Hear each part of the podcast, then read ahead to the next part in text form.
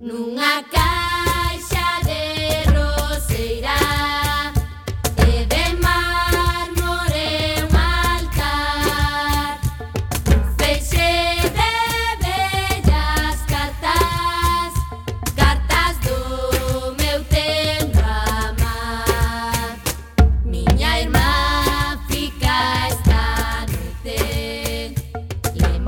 tal, recendeiros e recendeiras? Benvidos e benvidas a este espazo radiofónico semanal dedicado á cultura que facemos en rigoroso directo todos os martes a 7 da tarde, aquí en Cuac FM, a Radio Comunitaria da Coruña.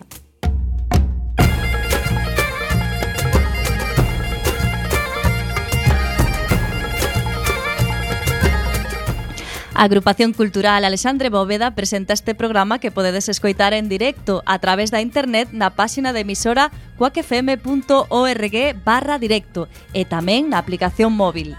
E se non chegaches a tempo, non tes excusa, compañeiro. Podes descargar todos os programas xa emitidos tecleando coacfm.org barra radio oco barra programes barra recendo ou escoitalo na redifusión que será os mércores ás 8 da mañá, os venres ás 16 horas e na madrugada do domingo ao luns ás 12 da noite. E a partir de agora, seguídenos nas redes sociais, tanto no Facebook como no Twitter, arroba recendo FM, onde queremos formar unha comunidade recendeira.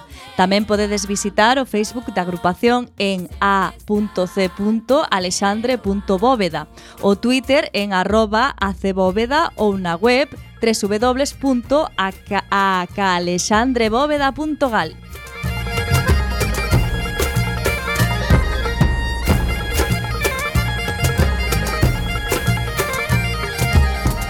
E xa sen máis imos caralo na procura desta fantástica aventura cultural con Roberto Catoira no control técnico e falándolles coa alma enteira Marta López e Uxía Vázquez. Dale.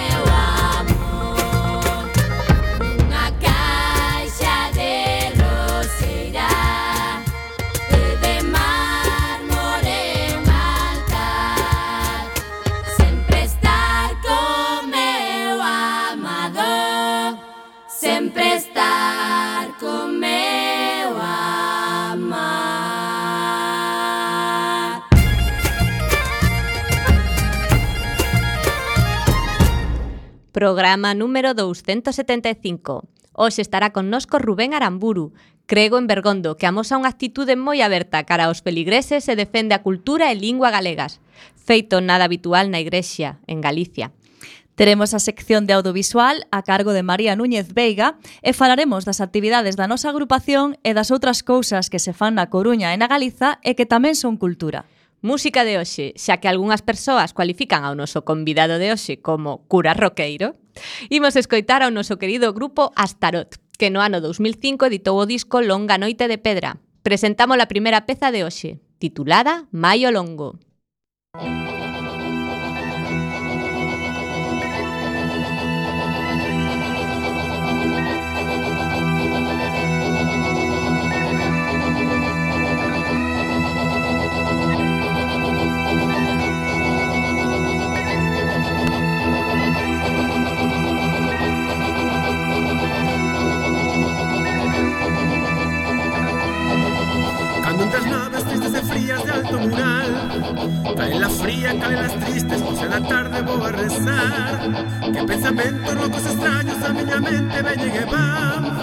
Ese silêncio que eu já conheço, que é meu amigo de anos atrás.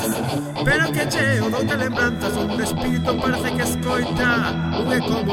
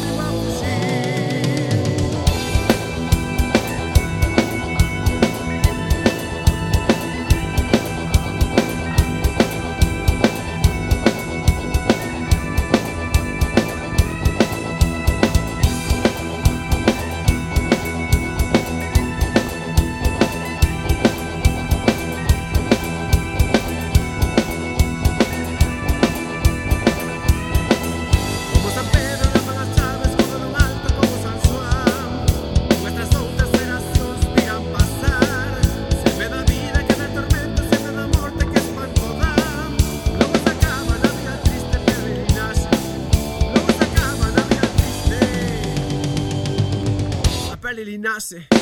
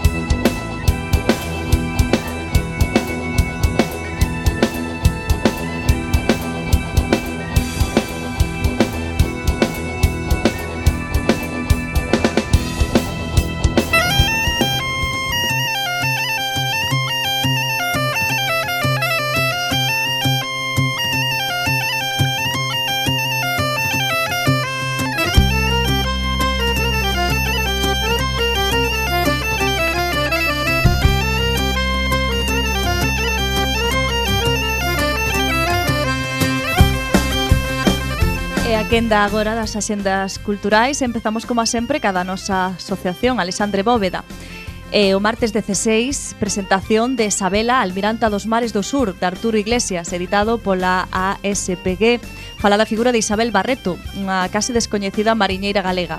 Será no noso salón de actos ás 20 horas.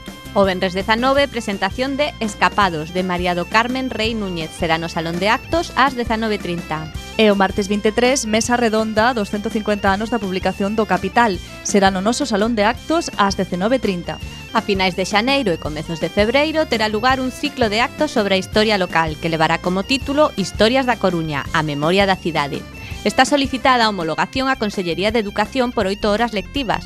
Os e as ensinantes terán dereito a certificado homologado inscribíndose na web da ASPG. Pero a entrada é libre para todo público. Informaremos a partir da vindeira semana.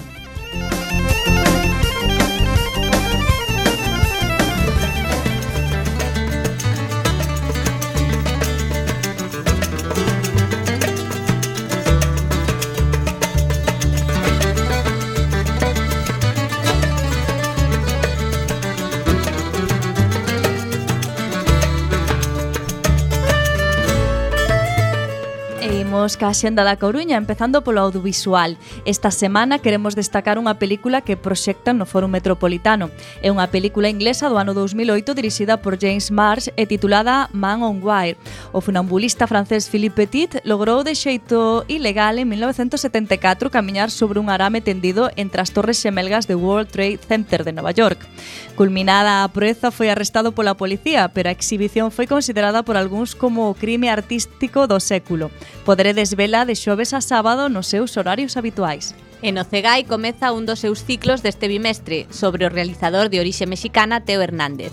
Entre o Benres e o sábado poderedes ver as obras Salomé, Nosa Señora de París, Lágrima Cristi e outras e imos cas artes escénicas. A compañía galega Artesá Cía, da actriz e directora Laura Villaverde, representa a obra Chola, a It Girl, na que esta mecánica de coches, blogueira e youtubeira galega é contratada por un teatro para presentar o seu monólogo ao máis puro estilo do show escénico youtuber, coa presenza do seu Opel Calibra. Será o Benres 19 ás 20.30 no Teatro Rosalía chega unha nova edición do ciclo Poetas de Inversos. Nesta ocasión poderemos ver no escenario recitando a súa poesía a Palestina Fatena Algorra e a galega María Xosé Queizán. Será o luns 22 ás 20.30 no Ágora. A compañía galega Talía Teatro atrévese cunha das obras míticas do repertorio europeo o Ubu Rei, do excéntrico francés Alfred Jarry, que se escandalizou a finais do século XIX. Podedes disfrutala o Benres 19 ás 20.30 no Teatro Colón. Chega outra efeméride dunha entidade cultural da nosa cidade. No ano 1942 fundouse o grupo de baile da Asociación de Coros e Danzas Eidos, Por iso organizan a gala 75 anos de folclore. Será o domingo ás 21, non, o domingo 21 ás 20 horas. Que nos saibamos, o único lugar da cidade onde actualmente hai unha programación regular de microteatro é No Importa, na Rúa San Andrés 46. Esta semana rematan as representacións de A Candidata, obra escrita por Carlota Dans e representada por Ademor Silvoso e Ires Princes. Será o xoves 18 en funcións de 20.30, 21 e 21.30 horas. E a xenda da música a comezamos cunha proposta pouco común, a da música medieval galega o grupo Quintás Canella dará un concerto que definen como folk con moito escarnio e moito maldicer. Será o xoves 18 ás 21 horas no Baba Bar. Entre as propostas musicais temos hoxe unha bastante curiosa. A cantautora fisterrá Bea a de Estrella presenta o seu primeiro disco Mar de Fora. Será o venres 19 ás 21 horas e no importa. E atención, a forma de pago é Pay After, é dicir, ti decides canto pagas ao rematar. E rematamos a xenda musical co grupo femenino A Banda da Loba, do que xa escoitamos aquí algunhas pezas do seu novo disco, Bailando as Rúas. Preséntano na nosa cidade o domingo 21 ás 20.30 horas na Sala Garufa. E nas exposicións gustaríanos facernos eco dunha bastante curiosa que pode verse estes días no Fórum Metropolitano. Pero ollo, non descuidarse, porque xa se clausura o sábado 20. Titúlase todos, todas somos modelos, que quere contribuir ao aumento da autoestima e ao autoconcepto dos participantes na actividade, que son persoas con discapacidade, entidades como o Inserso, o Grupo de Ocio do Concello de Bergondo, Xóvenes Acu, Coruña, ADECO, Aspain Galicia, Atasias Galicia e outras persoas particulares.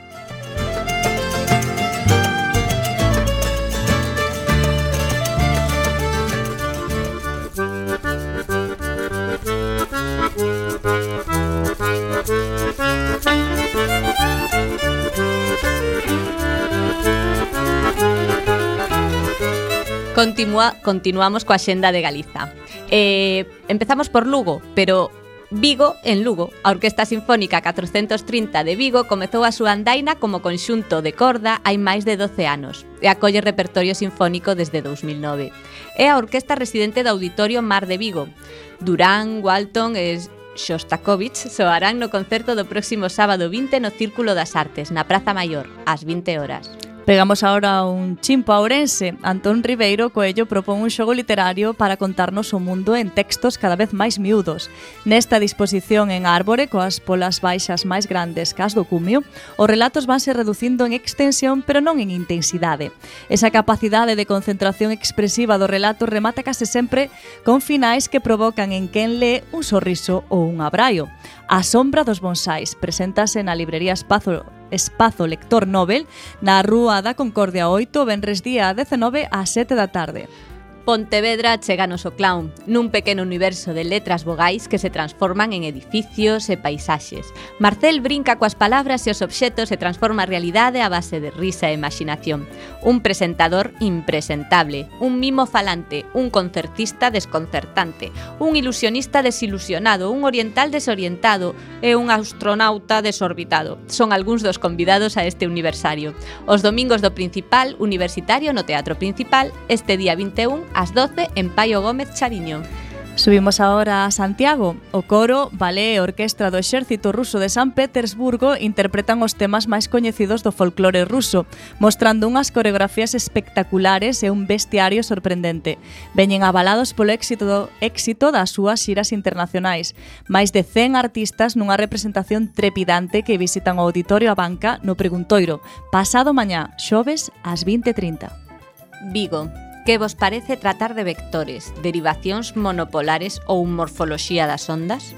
Electroretos 2018 é un curso especializado en electrocardiografía. Divídese nunha parte presencial os próximos días 19 pola tarde e 20 pola mañá, venres e sábado, e outra de seguimento durante un mes na plataforma online de formación cardio, formacioncardio.es. Vai celebrarse na sede a Fundación en Policarpo Sanz. Pegamos outro chimpo a Ferrol, Os Bengala presentan en concerto o seu último traballo, Año Selvático, unha crónica que reflicte as experiencias, as victorias e as derrotas vividas ao longo dun ano cheo de viaxes, concertos e outros placeres. Un rock felino chegado desde terras aragonesas que podedes ver e escoitar na sala Super 8 na Rúa Real 223 o sábado 20 ás 22.30. E a nosa vila convidada hoxe é Laza, porque este venres comezan as celebracións do Entroido cos folións a partir das 23 horas. O personaxe máis significativo do Carnaval de Laza é o Peliqueiro, que representa o poder e é totalmente intocable. É indiscutiblemente o elemento principal da festa e guardián de todos os demais personaxes do Carnaval. As caretas e os chocos son as partes máis antigas da súa vestimenta, O seu nome, por certo, ten orixe na pel do, do animal que leva detrás da súa careta.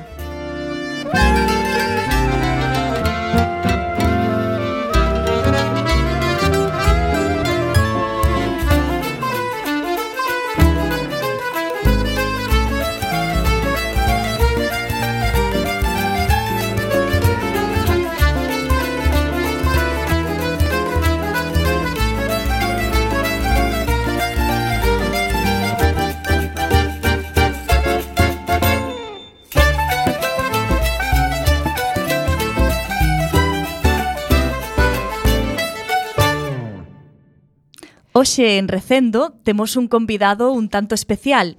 En realidade é un convidado diferente, porque toda a xente que nos visita é especial. O que fai diferente ao noso convidado é que é cura, concretamente párroco en parroquias de Bergondo e Cambre. O seu nome é Rubén Aramburu e todo indica que non é o tipo de cura ao que a maioría de nós estamos acostumados. Din que o seu aspecto non cadra co que se agarda dun cura. De feito, Un día confundirono cun caco que entraba a roubar na sacristía.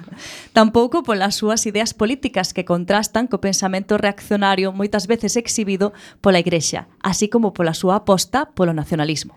Rubén Aramburu forma parte do Consello de Redacción de Encrucillada, a revista galega de pensamento cristiá dirixida dende o seu inicio por Andrés Torres Queiruga, doutor en Filosofía e Teoloxía e un dos máis grandes intelectuais da Galicia contemporánea. Rubén tamén colabora cos seus textos para Encrucillada, así como para outras publicacións como Terra e Tempo, revista digital de pensamento nacionalista. Tamén é membro da Asociación Irimia e colaborador da súa revista. Irima leva máis de 35 anos traballando traballando a prol dunha galeguidade cristiá. Para falar connosco do espiritual e do mundano, temos hoxe a Rubén Aramburu. Moi boas tardes, Rubén. Hola, moi boa tarde. Bueno, imos comenzar. Como está sendo a túa labor nos concellos de Cambre e Bergondo? Bueno, primeiro que estou en, en Bergondo, en Cambre estive en dous anos nunha parroquia, Brives, que é unha parroquia moi bonita, pero ahora estou xa unha reagrupación, estou solo en, en oito parroquias de Bergondo. E fuches ben recibido? Sí, sí, sí. Era, eh, non era doado porque o cura que estaba antes, polo menos en alguna delas era moi querido, eh, levaba 40 anos ademais.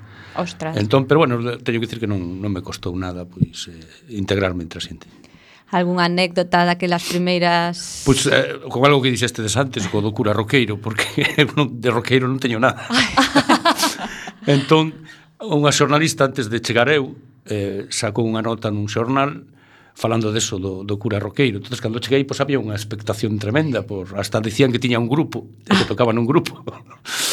Entón, claro, eu son máis, eh, a verdade que son máis de música clásica, ou incluso, bueno, de música folk, música nosa, música de raza, pero de rock teño moi pouca idea.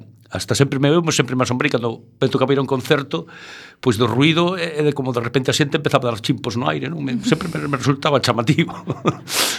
O sea que son, son moito máis sosegado neses, nesas cousas. Pero colgar un cheo de roqueiro sí, sí, sí. aí... Eh, eh... Eso foi como os descamisados de sí. Alfonso Guerra. eh, eh, Rubén, canto tempo levas de cura? Pois pues, eh, tú preto de facer os 25 anos, creo. Por aí. Uh -huh. E como foi a chegada da vocación? Sei que se pode chamar así, claro ou, bueno, eu ou, me gusta máis falar de, de resposta que de vocación, non? A palabra vocación que significa eh, chamada traída do, do latín Pero eu creo que hai unha hai unha única vocación, a chamada universal ao ser humano, no? que é precisamente a, a ser plenamente humano. E despois cada un vai respondendo pois, por, por os camiños que, que lle cadran. No? Entón, eu falo máis de resposta que de... Eh, que como foi foi un proceso moi longo, non non é así de repente, non? O sea, eu nací nun subsuelo pois eh, religioso, como era uh, como era aquela época dos anos eh, finais dos 60 e principios dos 70, donde máis ou menos, inda que a miña familia non era especialmente religiosa, pero a vida do barrio todo xiraba en torno á parroquia. E non había outras actividades, claro. Onde non, naciches? Onde? En A Coruña. Ah, Además, aquí. No, no, barrio de Santa Margarita, un barrio ah. señeiro. eh, e, bueno, Ali fomos dar cun grupo, había unha parroquia moi tradicionalista, que era a que nos tocaba a nós, pero ali moi preto había outra parroquia, que era a dos franciscanos, os frailes franciscanos. E nós entramos ali, eh, primeiro, íbamos primeiro por as actividades que nos facían, claro, tal. Pero eu quedei impresionado, non, non son eu, de, de ver eh, aquela vida distinta que non coñecíamos, que era unha vida comunitaria. Seis, sete homes que vivían xuntos, que compartían todo, que non tiñan nada en propiedade, É dicir, algo totalmente contrario ao que o mundo, aos mensaxes que o mundo nos estaba dando, non? Tes que ter, tes que ter un piso, tes que ter un coche, tes que ter non sei que. E víamos aquela xente que eh, vivían compartindo todo e ademais estaban cunha alegría tremenda e volcados en, en poder facer polos demais o con os rapaces eran extraordinarios, o sea, non sei a, a santa paciencia que tiñan porque nós éramos moi pillabáns. Bueno, ese primer encontro eh, que te marca, non? E, e despois eso, o ir coñecendo persoas excepcionais eh, que te van marcando, que te van acompañando, pois fan que te empeces a facer preguntas e a cuestionarte. Non? Despois, eh, a mí impactoume moitísimo o coñecemento da figura de, de Francisco de Asís. Non? Para mí foi o, sea, o achegamento á súa figura histórica e o que supuso pois foi tamén outras cosas. Bueno, e así pouco a pouco, pois, dixo, e por que non? E eu aos aos 12, 13 anos eh, decidí marchar a, a facer a experiencia cos franciscanos, e marchei para un convento franciscano e iniciei aí o, o meu proceso de formación ata os ata un parón que tive nos 21 anos, máis ou menos. Eh, que despois pois volvín casi á vida civil, ainda que seguín cos estudios, e despois xa eh, o último ano pois de tomei a decisión de, de pois de ordenarme, non? Foi así, pero xa digo, non é un un, encender un interruptor é, a, xa, xa. É, eh, é un proceso de búsqueda, sen dúbida alguna, non? de búsqueda e de resposta. E que pensaron os teus amigos e familiares cando lles comunicaches a decisión? Cosa, bah, os amigos non hubo problema ningún porque máis ou menos o circo dos amigos éramos todos. De feito, non, de feito da, do grupo de amigos salimos eh, de, salíramos dos frades e dúas monxas. Que ainda estamos os catro, que eu saiba. Unha está por África, unha delas, a outra foi decidiu por la vida de, de clausura, que sí que a mellor nos parece un pouco raro, e despois estamos dous que andamos por, por aí polo, polo mundo. O sea que non foi tan raro, me refiro. A miña familia sí que, pois, pues, bueno, eh, non, non eran así moito, pero, bueno, eh, sempre me apoyaron en todo. Eh, Eu tive a sorte eh, de ter eses pais que, de, bueno, a nos, nos gusta isto, tal cual, pero nos, si é o teu camiño, nos timos a apoyar sempre. Non? Sí, porque dixeches que non eran a tua familia non especialmente Non, non éramos nin de misa dominical nin, nin de outras gaitas, vamos. Eh, en algún momento botas de menos a túa antigua vida? É que Claro, se teño que falar da antigua vida, teño que remontarme aos 12 anos. Claro. So, un, un período aí sí de na, que vivín como un universitario en Santiago, disfrutando de todo o que era a vida universitaria de Santiago eh, incluso pues, cheguei a ter unha moza estable e tal. Pero, bueno, non, non son de votar de menos as cousas. Non? É dicir, eu sempre intento plantearme o, o presente no que estou. é, é dicir, non, non vivir de, de, dos recordos. Non? O sea, os recordos sirven para, para quecer. Non é como esa chimenea que teño prendida na casa, pero pero non para para añoralos, non? Eh, nos como non sabemos moito, temos unha visión reducida do que é a labor do párroco. Uh -huh. Pensamos que, que, bueno, dá os sacramentos, a misa e, e listo. Isto é así ou, ou podes falarnos de unha bueno, labor máis ampla. Hai de todo, pero eu, eu convivín con párrocos que, que andan agora por algúns polos 90 anos que foi impresionante o labor que fixeron sobre todo estou falando do mundo rural, non? Tamén houve experiencias moi moi boas nas cidades, pero eh, eu recordo concretamente un parco don Bernardino, que era o Parco de Arzúa, que foi o que levou a electrificación a maior parte das parroquias, que levou a auga, e eu recordo aquel home maior de sotana, cunhas botas de goma, e cun, cun dous cabalos vello que había a porta se ataba cunha corda, saltar polas zanjas medindo, casi de noite, a ver se si estaban ben feitos os, as, as, as, bueno, as, as taseas onde se iban meter os tubos da auga para os veciños. Non? Entón, unha, unha época de, de creus que facían de todo, facían de todo, cando realmente non había nada, porque os concellos non chegaban, non, nin as diputacións, e entonces encargaban, facían os teleclubs, donde estaban as primeiras televisións, donde se xuntaba xente, eh, escolarizaban, daban clases, o sea, hubo xente moi, moi válida, moi positiva. Tamén é certo que hubo xente ruín, no? que se aproveitou, que foi eh, o cacique típico, pero maiormente hubo xente, eu conocí historias preciosas de, de... Uh -huh. Eh, no teu caso, cando chegas a unha nova parroquia, cales son as primeiras preocupacións? Bueno, primeiro é coñecer o, a xente, non? É dicir, é coñecer a ver que realidades hai. Eh, para min o principal é descubrir pobrezas, non? Donde un pode chegar. Eh, e, bueno, pois, pues, o importante votar un ano casi mirando, mirando, eh, escoitando e descubrindo. E despois sempre acabas descubrindo carencias, eh, por moi ben que estea a sociedade, por moi ben que estea o polo, sempre atopas carencias as que achegarte, non? Son moitas as ocasións que tes facer tamén apoio moral ou Moitas, moitas, e ademais cada vez máis, eh? Sí, non? Cada vez chega máis xente moi descolocada. Eu certamente esta forma de de vida tan depresa e, e tan cambiante Eh, é máis unha, unha, unha vida que está que é moi líquida, non? A so, esa sociedade líquida que falaba Bauman, o sociólogo este que morreu hai pouco, é onde falta solidez. Entón, isto fai que moita xente se quebre, se rompa. E é certo que, que paso moito tempo escoitando, escoitando xente, non? Acuden a, a, uh -huh. a parroquia. Imos a facer un momento musical agora, unha pausa, e imos a poñer a seguinte canción de Astaroth, que se titula O home que quixo vivir.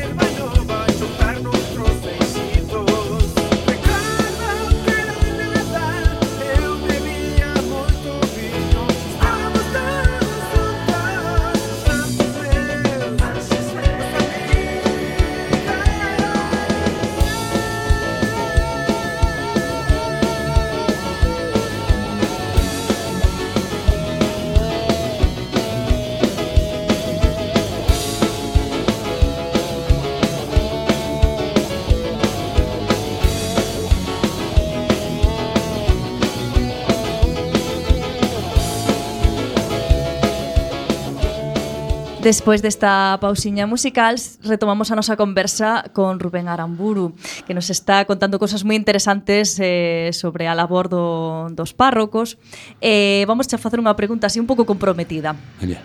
Realmente a Igrexa Católica é tan reaccionaria como semellan ser as súas élites? Uf, todas as institucións son reaccionarias, eh, por principio irse xa poden comenzar con un principio, estamos vendo con algunha formación política, verdad? Eh, sí. Que comenzan por pues, e despois xa golpe de canto, non? Eh, eh bueno, pois pues, si eh, hai certa reacción, re, o sea, conservadurismo máis que, que nacionalismo en, en algúns sectores, pero hai outros que non, que son moi moi avanzados, non? O sea, recolles a doutrina social da Igrexa, por exemplo, é, é impresionante. Eh, todo o que eh, a defensa do mundo dos traballadores, non? A, a defensa dos inmigrantes que se está facendo nestes momentos máis forte eh, en Europa é por parte de, precisamente de, de xente da igrexa, non? Aí está, temos, por exemplo, un obispo galego que está en Tánxer, eh, Santiago Agrelo, que é a, a, a pedra que está votando continuamente incluso contra os gobernos porque defendendo a, a toda esa xente que está aí tirada no monte, eh, dunha forma horrible, non? E, e este, este home, pois, é a voz, a única voz que teñen e enfrentándose ao ministro do Interior, enfrentándose en Marruecos a, a, as autoridades. E, bueno, o mismo pasa en, pues, en Italia cos emigrantes, non? Es decir, nestes momentos é a, a Igrexa a única que está realmente promovendo os pasillos humanitarios e, de, e defendendo a acollida. Eh, non en todos os países, non? Aquí Bueno, ahora, por exemplo, mesmo onte os bispos españoles sacaron unha nota moi dura contra o goberno polos centros de Como o centro penitenciario que onde tenemos os centros onde, onde recluen os inmigrantes, ¿no? o sea, tenindo que os pechen, que, que non é dignos. Entonces, digo, nun aspecto, despois noutros aspectos sí é, podemos sí, en, no que é aspecto de moral, verdad? Moral sexual. Eh, pois pues sí, eh, é moi conservadora, quedouse pois nunha época e costalle moito costalle moito avanzar. Non? Entón, realmente hai unha corrente crítica dentro da Igrexa? Eh. A ver, sempre houbo, sempre houbo corrientes críticas. Eh? Unha, eh, eh, a maior parte da xente non coñece realmente o que é a Iglesia, pero a Iglesia é moi plural. É o, o, o, o curioso. É dicir, vese así como unha cousa pois, aí, eh, quieta, estática, pero, sin embargo, dentro hai unha pluralidade impresionante, non? O sea, te podes encontrar desde un extremo hasta o outro E, curiosamente, conviven, traballan, pero... Pero sí, bueno, pues sempre hubo... Pero hubo corrientes críticas. Vos pensade que, que xente como Santa Teresa de Xesús ou, ou San, San, Sandra, San Sandra Cruz estuveron perseguidos pola Inquisición. É dicir, os místicos sempre foron peligrosos. O sea, non é de ahora. Todo aquel que, que, que se instala na liberdade e que non ten medo convertese en peligroso. Pero pasa tamén na sociedade. É dicir, lo que, que non é políticamente correcto, non? Mm. E isto tamén tamén pasa, bueno, pois pues hai hai momentos de máis tensión e de menos, pero por exemplo, se está vivindo pois pues, un momento moi esperanzador co, co Papa Francisco, con todo o que está suponiendo, non? As reformas que intenta levar a cabo. E a Igrexa en España é das máis conservadoras de Europa? Ou... A ver, a, a nivel, se si falamos a nivel de bispos, de, de, a imaxe, esa imaxe de, de moi conservadora. Primeiro foi unha igrexa, unha, A mí non, falaba, non me gusta falar de igrexas, non, senón da xerarquía, non? que son cosas distintas. A igrexa somos todos. Non? Eh, pero si sí, esa xerarquía estuvo moi illada, sobre todo a causa do franquismo, do nacionalcatolicismo, quedou moi illada do resto de Europa, e entonces hubo pues, eso, ese episcopado pois, moi rancio, podemos decir, inda que sempre hubo excepcións, non? Aí temos a Tarancón, por exemplo, mm. que foi foi un persona, unha persoa excepcional e que abriu o proceso, axudou no proceso da transición. Eh, aquí en Galicia, por exemplo, conservamos a, a memoria de Monseñor Araúxo, que fora bispo de Mondriafrol cando cando todos aqueles problemas de da naval, que hubo aqueles mortos, eh, el saliu en defensa dos traballadores en pleno franquismo, non? Eh, sempre hubo algún tal, pero bueno, despois hubo esa herdanza e E eu creo que sempre tamén as un episcopado con moito medo a, a liberdade, con moito medo a, a unha sociedade distinta. Non? Claro, foron moitos anos de, de un, unha sociedade que parecía un convento ou un cuartel eran as mm. dúas cousas, non? Mitad cuartel, mitad convento, donde todo estaba seguro, donde entonces esa inseguridade que trouxe a liberdade, a democracia, pois pues, provocou tamén moitas reaccións adversas, non? Pero as cousas as cousas tornan tamén mudan, eh o se, o se mesmo pois, pues, no episcopado podemos decir que hai xa unha parte máis moito máis aberta que hai uns anos, non? Decir, vai sucedendo. E según o teu punto de vista, cales son as reformas máis urxentes que habería que eu primeiramente eu fundamental para min sería cambiar o a visión da, de, do que é a igrexa, o sea, a, a igrexa se fundamenta nun proxecto que é o de Xesús de Nazaret, que é un proxecto comunitario. E é a gran ausencia na maior parte da igrexa é precisamente esa experiencia, a experiencia de comunidade. É dicir, nos temos xente que vai á parroquia, que vai á misa, pero moitos nin se conocen, nin se saludan, nin saben que é outro, entonces falta esa experiencia se non hai comunidade, se non hai esa base de encontro, pois o demais está levantado sobre sobre algo que non é non é real. Despois eh, eu creo que o clericalismo, o sea, unha iglesia fundamentada no clero, sostenida no clero, na función do clero, é outro error. Non pode ser. Non pode ser que unhos poucos eh, dirixan uns miles. Non? Decir, terán que facer o seu servicio, a súa función, pero non teñen que ser os dirixentes, non teñen que ser os que mandan. Teñen que estar ao servizo dos demais, pero teñen que ser entre todos, un, hai un, un bello adallo cristiano que di que eh, o que todos concerne entre todos ten que ser decidido, non? Entonces, podíamos falar desa... Yo, incluso, mira, non, non falo de democratización, sino de fraternidade, que é moito máis intenso. Decir, realmente unha iglesia que se xa fraternidade. Outro tema das mulleres Eh, eu hai algún día que, que vou á misa e son o único home que está celebrando, non? Entón é unha contradición tremenda. Pois aí hai que dar pasos pois, moi rápido. Bueno, e despois algo fundamental, que é unha isto que foi o que pediu o Papa Francisco na máis na máis eh, ser escollido, escolleto, que canto me gustaría unha igrexa pobre. non? Dixo el. E realmente hai un, unha experiencia moi bonita dun bispo francés, Jacques Gallot, que foi depuesto de, de, de obispo, votaron da diócesis desde o Vaticano, eh, que escribiu un libro que foi moi revolucionario ahora, ahora 40 anos, que decía solo polo título que di, unha igrexa que non serve, non serve para nada. Eh, e este home despois, como seguía sendo obispo, pero non tiña diócesis, foise a vivir con os ocupas en París, nun edificio, desde ali comenzou un labor impresionante. Bueno, eh, o título do libro, eu creo que o pasa todo, o sea, unha igrexa que sin, no medio da sociedade non está servindo, e servindo aos que máis necesitan, non sirve para, para nada. O sea, si solo se dedica a facer ritos, a, a facer unha especie de, de función civil, non? E é moi, moitas veces, estou recordo unha anécdota que contaba aí, hai un pouco un obispo que chegou a un pueblo, bueno, chegaron a un pueblo dicindo, bueno, pues que había que pechar as iglesias porque non había curas e tiñan que xuntar todos nunha. Entonces levantouse unha señora toda enfadada e dixo, pero non me diga que o goberno non vai mandar curas. non? Esa confusión todavía claro, eh, que, que ten a xente de que, de que a igrexa, os curas, pois, pues, é o mismo que a diputación, é o mismo que, que a xunta. Non? Pues, está todo metido aí nun bote. Xa. eh, falabas antes da, da sociedade líquida, decías. Mm. Eh, cale a mensaxe de que Cristo pode aportar a esta sociedade de hoxendía? día? É unha pregunta un pouco peliaguda. Eh, pero... Sí, pois pues mira, é unha mensaxe de, de liberación, non? de autoliberación. Eh, a sociedade líquida caracteriza, car, caracterízase un pouco por, por vivir a base de impulsos. Date conta, a, a xente cada vez costa ler máis. Por qué? Porque estamos metidos a, nesa linguaxe do, do bit, do, non? De, mm. de, da tecla eh, e lemos cousas pequenas, cortas. entonces produces tamén unha impaciencia tremenda. Decir, queres enseguida resultados, queres eh, son ca cantidad de flashes ao día. E iso te, te acaba, nos acaba perdendo, nos acaba confundindo totalmente. entonces fai falta un pouco esa esa lentura, no? De pararse. Pararse e dicir, "Oye, eh, que estou facendo coa miña vida? Detrás de que estou correndo? Que é o que estou buscando, non? Que o sea, que, que, que está queimando as miñas enerxías, que queima que, que, que queima todo as miñas ansias, realmente algo que vale a pena, é algo que me está dando vida ou algo que me está escravizando, non?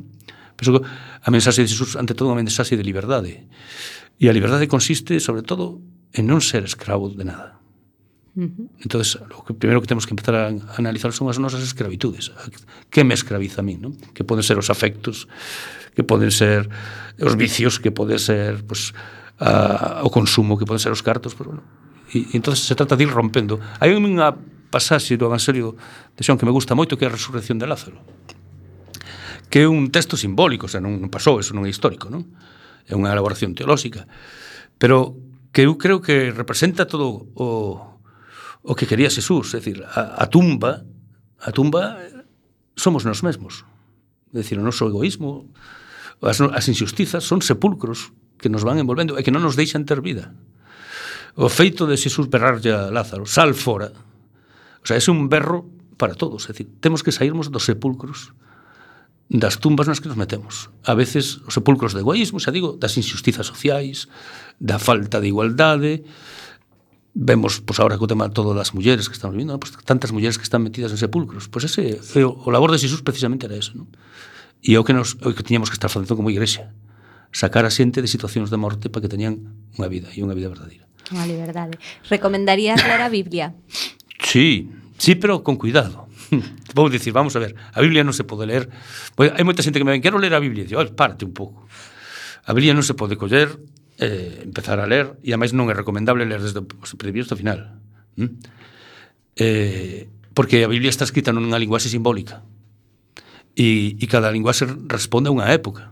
Non é, o sea, nós non podemos ler coa nosa mentalidade o que o que estaban escribindo pois eh, cando o Éxodo, cando escribiron o Xénese, non? Se les tiñan unha visión da vida, do mundo, unha concepción que non é a nosa. E moitas das imaxines e moitas das metáforas das parábolas que van a usar hai que entendelas, senón nos perdemos e nos, se nos, é moi fácil que apechemos e non quiramos saber máis nada. Venimos a facer unha pequena pausa tamén para presentar a nosa sección audiovisual e, eh, e, con María Núñez Veiga e imos escoitar a súa sintonía. Música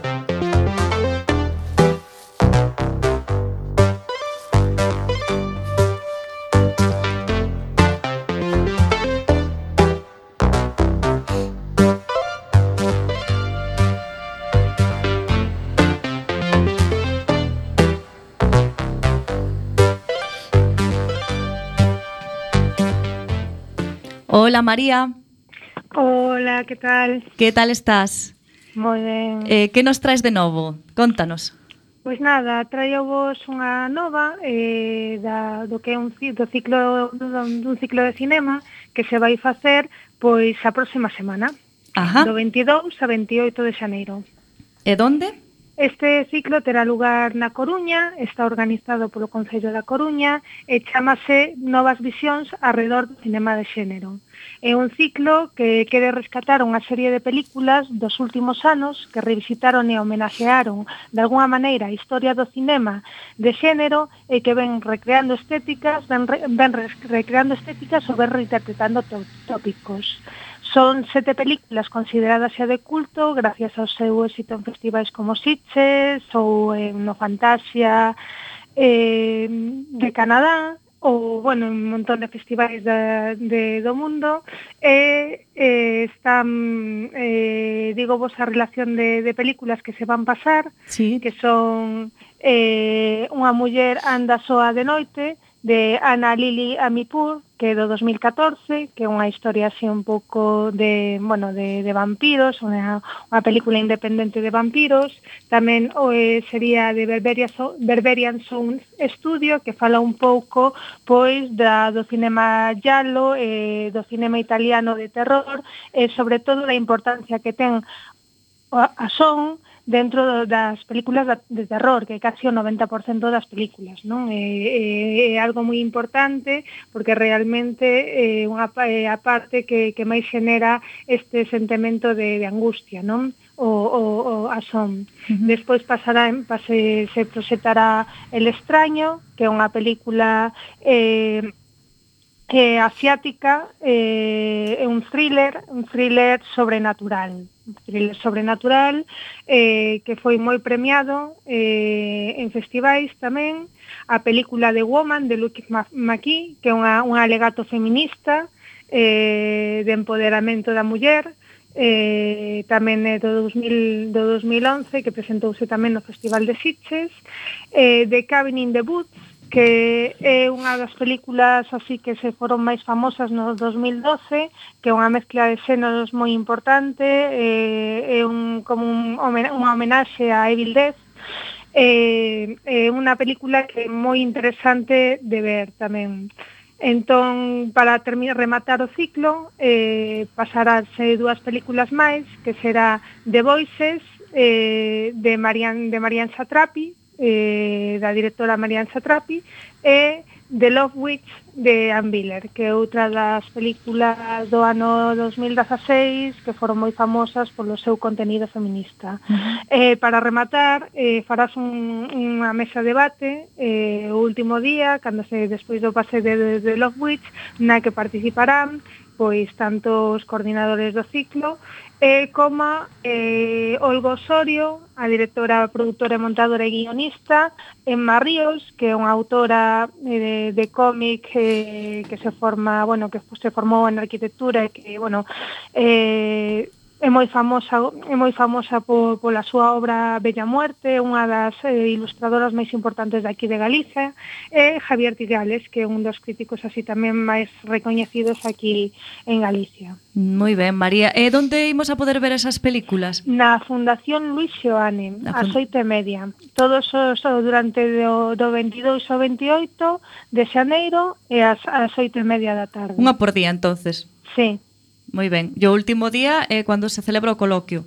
o coloquio con estas con, eh, con, con Emma Ríos, con Olgo Osorio e con Javier Trigales. Moi ben, algunha cousiña máis para pois apuntar? Pois non, non, a verdade non, por agora para, para agora teño teño teño esta actividade, eu penso que é moi interesante, eh, o que queira acudir, penso que pasará moi ben. Eh, o debate con estas tres persoas terá lugar ao último día, pero farás un debate cos, eh, cos coordinadores, bueno, co, co, eh, o rematar cada película. Moi ben, pois moitas gracias, María.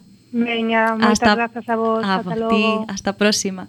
Pois seguimos ca nosa conversa con Rubén. E eh, imos eh, volver outra vez con preguntas así, bueno, un tanto eh, non sei se si comprometidas, pero, bueno.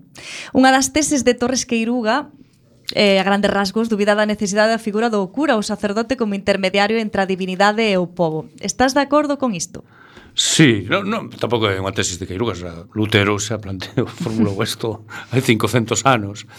Claro, eh, é o papel do, do, do crego, do cura, non? Cal, cal debe ser o papel? Entonces, mentres mentres teña esa, esa posición ou se venda esa posición de intermediario é unha persona con poder mm. e isto é algo ter, terriblemente negativo e isto eh, pasa porque eu dome conta que teño poder non? Eh, sobre a xente eh, xa por tradición, porque o cura sempre foi unha autoridade tal, e no rural todavía pervive moito isto. Non? Uh -huh. Entonces, eh, hai que hai que eso sí, hai, hai que mudarlo totalmente. É dicir, pasar a, a o que vos decía antes, a actitude de servizo, non? É dicir, servidor e non non gobernador. Uh -huh. Mm? É moi distinto eh, hai dúas palabras que son parecidas, pero son moi distintas, que é a palabra poder. Uh O poder sempre, para mí sempre ten unha connotación negativa, non? E a, e a outra é a palabra autoridade. Autoridade que ven do latín significa axudar a medrar, axudar a crecer. Pero claro, esa autoridade ten que ser unha autoridade moral, non imposta, non mm. ten que, o sea, ten que e hai xente que ten autoridade nas, nas aldeas, está o señor non sei quen que todo lle respeta o que di porque porque a súa vida é unha vida que ten autoridade, porque foi honesto, porque foi verdadeiro. Eu creo que ten que ser así, non? Eh, podería, podería ser esta tese unha vía para que as mulleres adquiran máis protagonismo dentro da Igrexa Católica? Claro, claro, porque pasaríamos un pouco de, desa, desa figura do, do dun sacerdote, un sacerdocio máxico casi, non? A un servidor, a un coordinador, un animador das comunidades, un pouco. Uh -huh. eh, crees que ten algún sentido o voto de castidade hoxe en día? A ver, o, non habería que repensar o, o voto celibato. De, o voto de, é que son dúas cousas distintas. Unha cousa é o voto de castidade e outra cousa é o celibato. Vale, pois. Pillaches, non? pois pues explícanos, explícanos. Eh, a ver se si nos dá tempo. sí, sí, dá tempo, dá tempo. O voto de castidade faise eh, entre xente que opta a facer unha vida comunitaria. Estou falando dos monasterios. Ah. Entonces, un monxe, unha monxa, un frade, unha religiosa, pois, cando entran nesa vida, fan voto de castidade. Uh -huh. Uh -huh Eh, outra cousa é o celibato. O celibato é unha promesa que fai aquel que se ordena cura de ser libre, que é o que significa célibe. Galiza célibe, eh, sí. eh? Galicia célibe, diríamos, é ser libre, é dicir, non estar atado a nada para o servizo dos demais. Claro, o que pasa é que cando o celibato se reduce única e exclusivamente a, a cuestión sexual, mm. pois aí xa armamos. Pero claro, o celibato é celibato dos cartos de non ser non? de non ser eh, avariciosos, de, de non roubar, de non aproveitarse máis. Ser célibe de poder, de ser poderoso, de influencias, pues de ser célibe incluso de ideoloxías. De non... Todo iso é o que, o que entraña o celibato. Claro, cando se vive con sentido, cando non é imposto, cando se fai voluntariamente, é, é bo. O problema é cando as cousas son obrigadas. Tiña que ser unha opción Pensad que o celibato está presente en moitas outras culturas e religións, non só na... Que eu estou revendo a Guerra das Galaxias e os Jedi claro. tiñan que ser célibes. claro. Sí, sí. Bueno, pero é eh, un pouco anacrónico, non? O sea, hoxe en día, mm, igual sí. que na iglesia protestante, por exemplo, os Bueno, eh, ainda existe algún, algún, algún reducto na Iglesia Protestante de, de frades e monxas que, que viven a viven a Pero a eh, é unha opción, quero decir que eles é voluntario, decide, é voluntario ah, claro, claro, non está é que, imposto, claro, que, esa, é que o, problema, o problema é imposición. Mm. Os O sea, desde a posición, pues claro, despois pasan as cousas que pasan e que vemos, non? Evidentemente. Pero isto cualquier represión que se faga en calquer ámbito, pois pues, despois estopa por calquer sitio, non? E, e, por desgracia, facendo daños máis inocentes. Como... E crees que eso pode cambiar ou ves Sí, eu creo, creo que está está ás portas a cousa. Sí. Mm. Eh, as túas feligresas están de acordo co papel que o Vaticano lles asigna? No, ou hai un pensamento crítico grupos que aí, ou... temos grupos de, de, de debate, de discusión e falamos moito desto, non, que son unha xente hoxe en día, pois pues, Eh, fala e protesta e, e non están de acordo pois, co, co, co papel das mulleres, evidentemente, na igrexa. Quen, quen estaría de acordo? Non, sendo no. muller, polo menos. eh, falamos de... Estás na asociación Iri, Irimia. Irimia, sí. Eu digo ben. Eh, falanos un pouco da asociación en que consiste... Irimia é unha historia que nace hai 40 anos no Pedregal de Irimia, onde nace o río Miño, cun grupo de xente Eu tive a sorte de conocer a moitos deles e, e foron dos que me acompañaron tamén espiritualmente a vida. Pepe Chaurrego, non? Pois este Andrés Torres Queiruga, do que falamos antes, do que son discípulo, eh, que sei, Paco Carballo, Francisco Carballo, historiador galego, que foi o foi un dos homes que renovou a historiografía en Galicia, que non foi recoñecido nunca oficialmente pola polo estamento oficial, pero, sin embargo, foi o creador dunha escola non? De, de revisión da historia de Galicia. Eu tive a sorte de convivir con el casi 12 anos. Son xente pff, que, que, que que abriron uns camiños tremendos e impresionantes, sobre todo de, de lógica, decir, vamos a ver, esta terra na que vivimos, esta paisaxe, este país, esta xente, teñen unhas características. Como vamos a vir aquí cunha lingua de fora, cunha lingua que non é a deles, como se pode dicir a xente que non pode rezarlle a Deus en galego? Se si na, se si na casa te amamantan en galego cando naces, como tens que cambiar de lingua? Bueno, eh, entonces aí hubo eh, provocado un pouco por toda a renovación do Concilio Vaticano II, usa aposta tremenda en Galicia que xa leva 40 anos. Teño que dicer que eh, tuvo unha época moi forte, pero por desgracia, como moitas das realidades sociais, políticas, sindicais do país está en un momento pois de, de retroceso, non? Era a seguinte pregunta, se, se creías que se galeguización estaba crecendo, No, ao contrario, non. vamos, vamos cara atrás. Eh, eh, hoxe día Claro, aquí dábase unha realidade, mira, cousas que pasan. Antes, eh, o 80-90% dos curas eran procedían do mundo rural. E eran galego falantes. Solo cambiaban de lingua para celebrar a misa. E para eh, botar un sermón ou tal cual. Pero despois o resto do día falaban en galego cos feligreses con todo o mundo, non? Claro, eso fixo foi, foi un atraso moi grande, porque isto daría unha legitimidade á lingua o galego que estuvera que, que na iglesia se falara en galego, se utilizara galego, daríalle dignifica, o sea, dignificaría a lingua, non? Pero hubo, claro, coincidiu co franquismo, coincidiu co persecución, nada. E agora, os curas novos que hai veñendo do ámbito urbano non venían do ámbito rural. Entonces esa xente xa que son castelano falantes, castelano e que non lle dá ninguna importancia ao tema do galego. Para eles é unha cousa eh, secundaria, bueno, absurda. Dicir, non, pues, se si nos entendemos en castellano, porque vamos a hablar en... ¿no? Entonces, claro, un momento tremendo de, de, de choque, non? Eh, pero bueno, non hai que perder a, a esperanza, hai que seguir aí colume, colume aceso, non? Eh, ves contradición entre o nacionalismo e a mensaxe de Xesús? Non, Xesús era nacionalista, eh? A ver, nos, nos atopamos un momento, un momento, hai unhas coincidencias moi curiosas de entre entre Jesús, que era Galileo, nunha rexión no norte de Israel, eh, unha rexión verde de mariñeiros, de labregos, que falaban unha lingua distinta, que a xente se reía deles polo acento. Ah. E Xesús viña de aí, e falaba o arameo, eh, e a xente dicía, pode salir algo bo, non? de Nazareo, de Galilea, de onde isto, o sea, os tiempos. Digo aí en Escocia. Pero, claro, estaba nun momento de invasión polo exército romano. E entonces había unha, moitos, algúns dos grupos dos, dos que andaban con Xesús eran nacionalistas radicais. E incluso, pues, hai unha escena que levaban armas. E foron, e, precisamente, Xesús foi asustizado por, por causas máis políticas que, que religiosas. Feito a morte, a forma de matalo nunha cruz, era unha morte de escarmiento para que facían os romanos mm. contra os rebeldes. Para que o vexan. Oye, que vos pode pasar isto? Mm. Unha morte terrible, ademais. Sí, sí, claro. Uf. Bueno, pois nos estamos quedando sin tempo, Rubén, foi un placer eh, falar contigo. Eh, pois pues igualmente. Esperemos terte aquí de novo nun futuro, eh, sen tempo para máis odiseas. Imos chegando a fin do camiño neste recendo. Despedimos o programa de hoxe agradecendo aos nosos convidados que, como sempre, son de honra. Rubén Aramburu, aquí presente, e María Núñez Veiga na sección audiovisual. E agradecendo a semente pedra angular de todo o noso comando e equipo de producción, formado por Javier Pereira, Gema Millán, Manu Castiñeira e Roberto Catoira. E aquí estivemos Roberto Catoira nos controis e coalento do micrófono Uxía Vázquez e Marta López acompañándote neste recendo de palabras e de imaxes radiofónicas que nos traen este aroma cantado na nosa lingua e que nos permite hoxe e tamén no futuro a permanencia da palabra, da música e da implicación e o compromiso coa nosa nación, a Galiza. Ate o vindeiro martes a 7 da tarde en directo nesta emisora Coac FM da Coruña. Xa sabedes, recendo as mil primaveras que terá o noso idioma.